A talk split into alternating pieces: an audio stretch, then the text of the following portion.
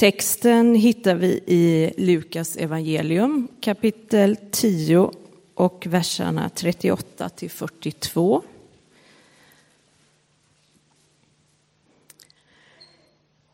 Medan de var på väg gick han in i en by och en kvinna som hette Marta bjöd honom hem till sig. Hon hade en syster vid namn Maria som satte sig vid Herrens fötter och lyssnade till hans ord. Men Marta tänkte på allt hon hade att ordna med. Hon kom och ställde sig framför Jesus och sade Herre, bryr du dig inte om att min syster låter mig ensam ordna med allt? Säg åt henne att hjälpa till. Herren svarade henne Marta, Marta, du gör dig bekymmer och oroar dig för så mycket. Fast bara en sak behövs. Maria har valt det som är bäst och det ska inte tas ifrån henne. Så lyder det heliga evangeliet. Ska vi förena oss i en bön? Tack gode Gud för ditt ord. Nu ber jag för mig och jag ber för oss om öppnade sinnen så att vi känner igen dig, Jesus Kristus. Helig Ande, verka i denna stund. Vi vill känna igen dig i vår tid, i vår värld och i våra egna liv. Amen. Ja, nu ska vi se om vi löser upp den här tvisten eller konflikten då mellan Marta och Maria. Marta som har att ordna med allting och Maria som har satt sig ner i godan ro. Det finns ett uttryck, del av en mening, som jag tänker att vi ska hänga upp det här på, själva ärendet, för att reda ut detta. Och det är vad Jesus säger till Maria. Han säger så här, alldeles mot slutet, nästan det sista vi hörde läsas, så säger han, inte bara till henne, utan alla som lyssnar på detta, om henne. Det ska inte tas ifrån henne. Det där tror jag är nyckelord. Det ska inte tas ifrån henne. Och det där som inte ska tas ifrån henne, det tycks då stå i kontrast till allting som Marta har att ordna med. Och det är hennes egen upplevelse väldigt mycket att ordna med. Så mycket att hon blir irriterad över sin syster som inte hjälper till. Jag tänker mig att de allra flesta i detta rummet också har mycket att ordna med. Det är mycket att styra upp. Och det är mycket som kan oroa av allt det viktiga vi har att ordna med. Och det är ju inte konstigt, för så är ju ett liv, eller hur? Vi ordnar med saker hela tiden. Vi bygger upp, vi skapar och vi adderar nya saker konstant, konstant, konstant. Detta är ju vårt liv. Det som vi ofta är så glada i och tycker det är så storslaget att få vara med om. Vi adderar ny kunskap och vi känner glädjen över det. Det gör man som små barn och man upphör liksom aldrig att addera ny kunskap. Man lär sig saker och ting hela tiden. Det är enastående. Till det lägger vi till erfarenheter och färdigheter som man inte kan läsa sig till. Men när man har gjort saker och övat på saker så kan man plötsligt någonting helt enastående. Och ni vet glädjen när man plötsligt går in i någonting och tänker om sig själv, nu kan jag detta. Jag kan detta. Och det är med den känslan man går till sitt jobb kanske och känner, det här sitter liksom i ryggmärgen på mig. Det är färdighet. Jag behöver inte tänka på varje steg. Jag vet hur jag ska svinga min hammare. Eller jag vet hur jag ska jobba med tangenterna på ett piano. Det sitter liksom i vem jag är. Jag kan detta nu. Och så lägger vi till det. Och så lägger vi till eh, människor. Det gör man tidigt också. De första dagisvännerna. Åh, vad viktigt det är. Ni vet den där glädjen när familjen inte är allt. Utan barnen kommer på att det finns någonting utanför denna familj. Och så vill man närma sig det. Och första gången som man sover hemifrån, det är ett storslaget ögonblick. Om man nu sover hela natten eller kommer hem efter halva natten. Men det är ändå storslaget, för man är på väg någonstans. Och man adderar människor och vänner som är så viktigt. Och så bygger man upp det nätverket och det slutar man heller aldrig att göra. Och sen efter ett tag så kommer man på att man kan köpa saker. Man kan köpa vilket godis man vill, till exempel. Ja, inte i början, men efter ett tag så kommer man på ett sätt så man får det man vill. Och sen kanske man får en telefon, en cykel. Och sen blir sakerna större och dyrare. Och sen blir det en lägenhet. Och det kanske blir ett hus eller en båt. Eller bara en storslagen resa.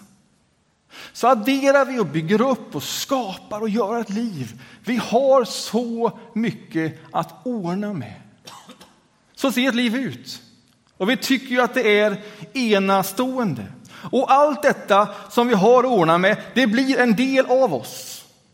Det blir liksom djupt identitetsskapande. Det säger någonting om vem jag är. Mina vänner, mina saker, var jag bor, vad jag jobbar med. Allt det säger någonting om mig, om jag.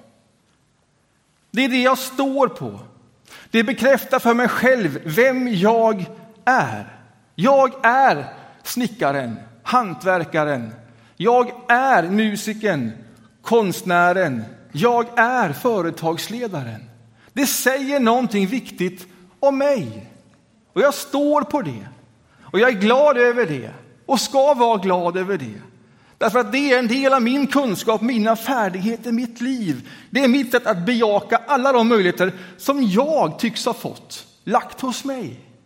Och så växer vi och utvecklar det och det är mycket att ordna med. Så ser ett liv ut. Och allt detta är djupt identitetsskapande.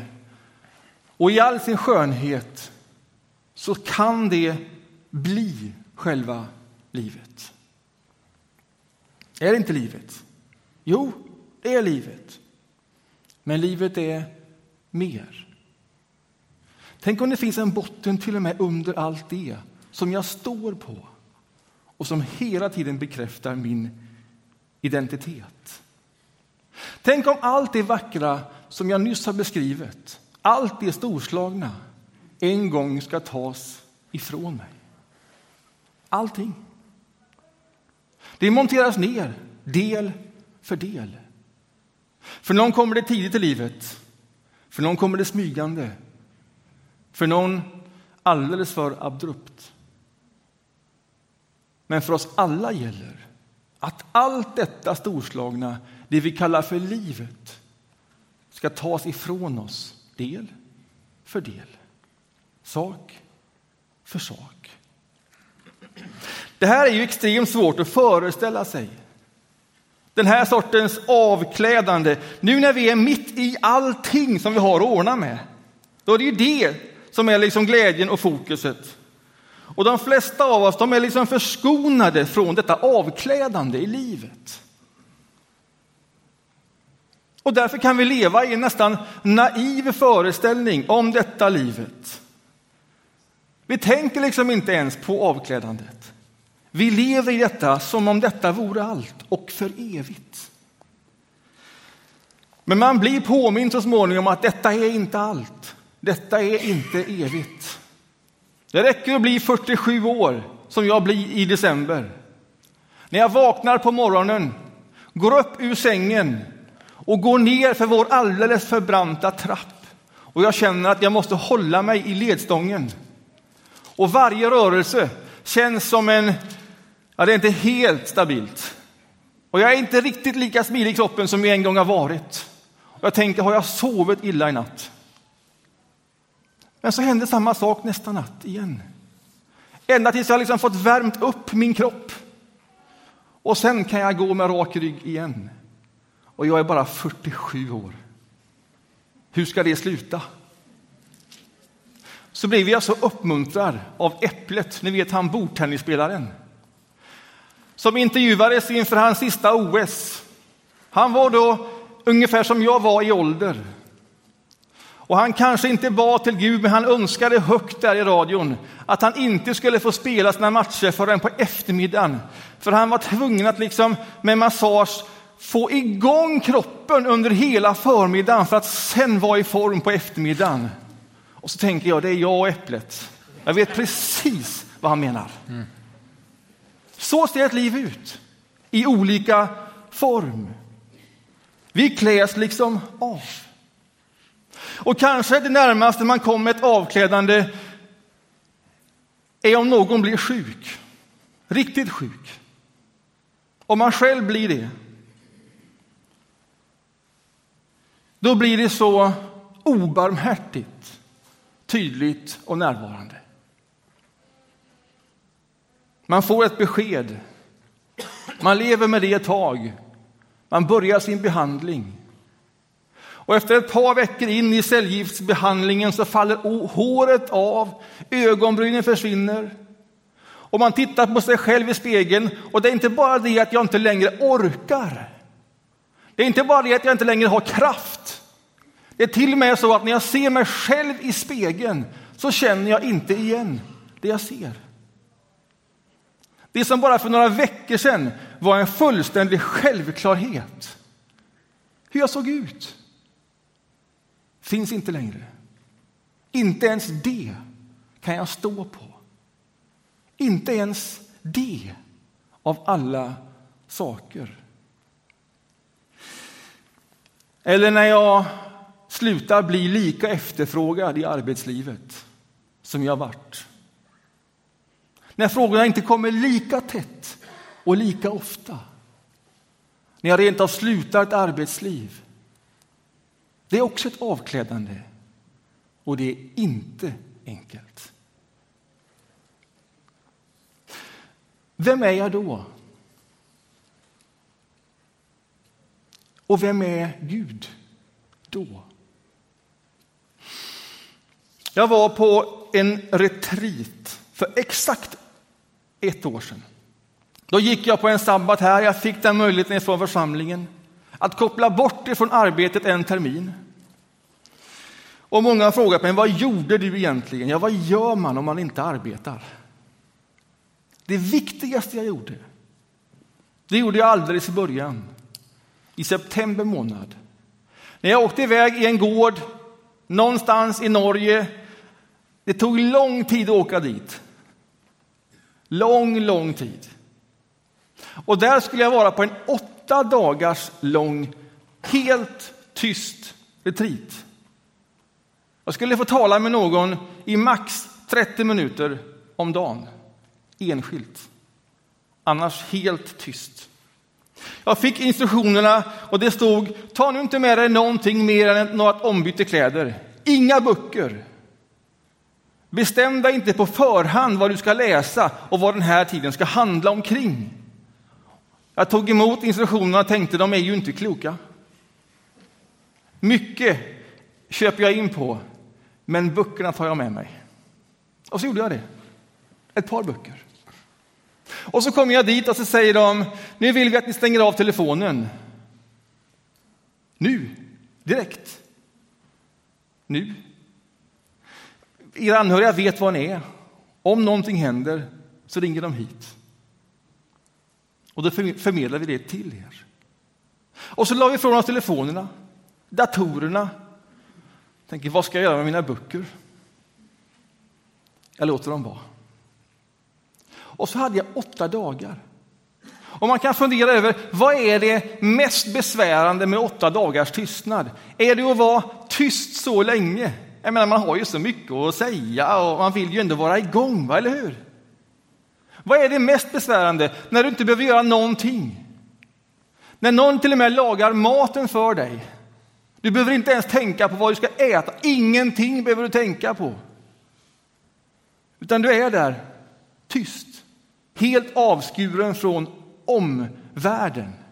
Vad var det svåraste? Jo, det svåraste och allra viktigaste för mig, det var själva avklädandet. Nu är jag här och ingen saknar mig.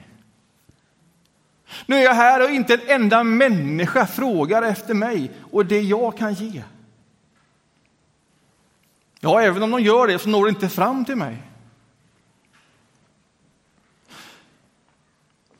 Och dessutom hade jag en hel termin här i Saronkyrkan som jag inte skulle bidra. Det blev en smärre kris. Vem är jag om jag inte får bidra med det jag kan? Och man kan tycka att åtta dagar inte är lång tid, men det hinner spelas ett inre drama under de dagarna som känns som mycket längre än åtta dagar. Och när jag inte längre ens vet vad som händer och är uppkopplad till omvärlden som också är en del i min identitet, det vill säga jag har hygglig koll på vad som händer i världen. Det kan ha hänt precis vad som helst, jag har inte en aning. Inte en susning. Att vara förälder är ju en del av det som är mitt liv och min identitet. Men inte ens det kunde jag leva i dessa dagar. Det var bara jag. De klarade sig bra där hemma, visade det sig. Och vem blir jag då, när allt skalas av? Som det en gång ska göra. Och vem är Gud för mig då? Jag hade en enda fråga där. Och den fick jag av min vägledare första dagen. Joakim, vad vill du med ditt liv? Vad är viktigt för dig? Och det tar ett tag att komma fram till svaret på den typen av frågor. För det är så mycket jag har byggt upp och har ordnat med och ta hand om. Det är så mycket som oroar och ansvar som tynger. Ska vi då inte bygga upp ett liv? Ska vi inte addera saker, lägga till kunskap, söka oss vidare, göra en karriär? Jo, det är klart vi ska. Det är livet. Men att i detta uppbyggandet hela tiden bevara sin ödmjukhet om att det också ska ske ett avklädande. Att jag inte behöver överraskas av det när det sker, för det sker. Om än i olika takt och olika form. Låt inte allt du har att ordna med bli hela livet. Bli det som du ytterst och djupast står på och lever av. Uppskatta det. Njut av det. Ta för dig i livet. Men minns att allt ska kläs av dig. Paulus han skriver om det här. Han hade fått känna på avklädandet. Och i brevet som han skriver till församlingen i Filippi, det fjärde kapitlet, som också hör till den här söndagens texter, då skriver han så här, ifrån sitt fängelse.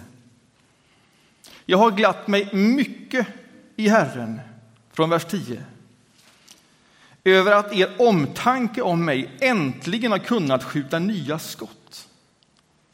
Omtanke hade ni ju förut också, men inte tillfälle. Inte för att jag har lidit någon nöd. Jag har lärt mig att klara mig med det jag har. Jag kan leva fattigt och jag kan leva i överflöd. Jag har verkligen erfarenhet av allt. Att vara mätt och att hungra. Att leva i överflöd och att lida brist. Och sen kommer den här meningen. Allt förmår jag genom honom som ger mig kraft. Tänk om detta är det enda som inte ska tas ifrån dig. Allt förmår jag genom honom, Jesus Kristus, som ger mig kraft. Han hade ju fått en gåva till fängelset där han satt Betydde det ingenting för honom? Jo, då, han tog emot den. Han var glad för det. Han uppmuntrade dem och sa, alltså frimodiga, det vet jag att ni är. Det har jag vetat tidigare och nu dessutom så fick ni ett tillfälle att visa det storslaget. Och den gick fram till mig. Och sen ger han dem cred för detta, han tar emot detta och dessutom är han glad för att de överhuvudtaget skickar någonting till honom, att de lever i denna möjlighet. Och sen han har gjort detta och bekräftat detta och talar om hur vackert det är så säger han, men det är inte det som är grejen. Det är inte den gåvan som gör att jag står ut där jag är i mitt liv, i fängelset, frihetsberövad. Nej, det är någonting annat. Precis som man kan leva i ytterligheterna och vara rik och fattig, mätt och hungrig, fri och fängslad, så är polerna för honom inte rik och fattig primärt. Inte fri eller fången primärt. Inte mätt eller hungrig. Utan hans poler, det tycks vara att göra det som vi läser om hos Marta och Maria, det vill säga allt det som vi har att ordna med, livet. Å ena sidan, och det som ingen kan ta ifrån honom, å andra sidan. Allt förmår jag genom honom som ger mig kraft. Där står han. Det är hans djupaste identitet. Så orden till oss, budskapet, uppmuntran. Det är när vi adderar, skapar, bygger upp, upplever detta liv. Slarva inte med det enda som inte ska tas ifrån dig. Låt inte livet bli så viktigt att du glömmer det. När du nu är barnförälder, nybarnförälder och med flera andra små barn omkring sig. Man känner ju bara hur mycket det är som händer när man ser barnvälsignelsen och är med om det här. Det är fullt upp. Och det är inte bara fullt upp med barn som är så härligt energifulla. Utan det här är ett läge i livet när allting händer samtidigt. Där nu båda har jobb och man ska bo någonstans och det har bara adderas mer och mer ansvar och mer och mer tryck. Allting händer samtidigt som allt det vi nu såg här utspelas med många barn och mycket energi. Det är livet. Och då är uppmuntran från den här texten. Ta emot det. Var glada i det. Men slarva inte också med det. Gör det enda som en gång inte ska tas ifrån er. Vad betyder det? Det skulle kunna betyda, även om ni är så trötta, det är så mycket, att man ändå inte slarvar med den lilla korta aftonbönen på kvällen med sina barn. Du lägger dig kanske där på knä eller sätter dig vid sidan om eller lägger dig i samma säng eller vad ni har för vanor. Och sen ber du, och det behöver inte vara så himla innovativt och långt. Men för dig själv och ditt barn så ber du Gud som haver, barnen kär. Se till mig som liten är. Vart jag mig i världen vänder står min lycka i Guds händer. Lyckan kommer, lyckan går, men du förbliver, Fader vår. Amen. Och du orkar det varje kväll. Det enkla lilla för att bygga in i det som en gång inte ska tas ifrån dig. Slarva inte med det i allt det som är livet och som pågår. Maria lyssnade på Jesus. Hon fann näring i hans ord. Hon sökte en relation med honom. Icke produktivt. Hur då? Vi tar emot bröd och vin varje vecka. Det är en gåva. Det är bara en gåva. Det kräver ingenting mer av dig än att du tar emot.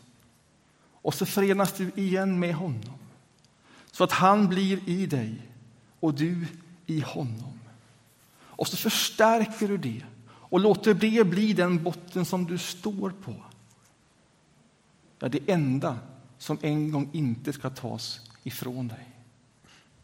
Vi gör det varje vecka, så långt det är möjligt. Eller du lyssnar på lovsången hemma på din Spotify-lista. Du behöver inte ens sjunga med. Bara ta del av det och låt dig uppfyllas. Du lyssnar och läser ordet och låter det mata in i ditt liv. Och vi gör det igen och igen. Tacksamma för livet och allt det har med sig, men i stor ödmjukhet inför vårt eget avklädande. Amen.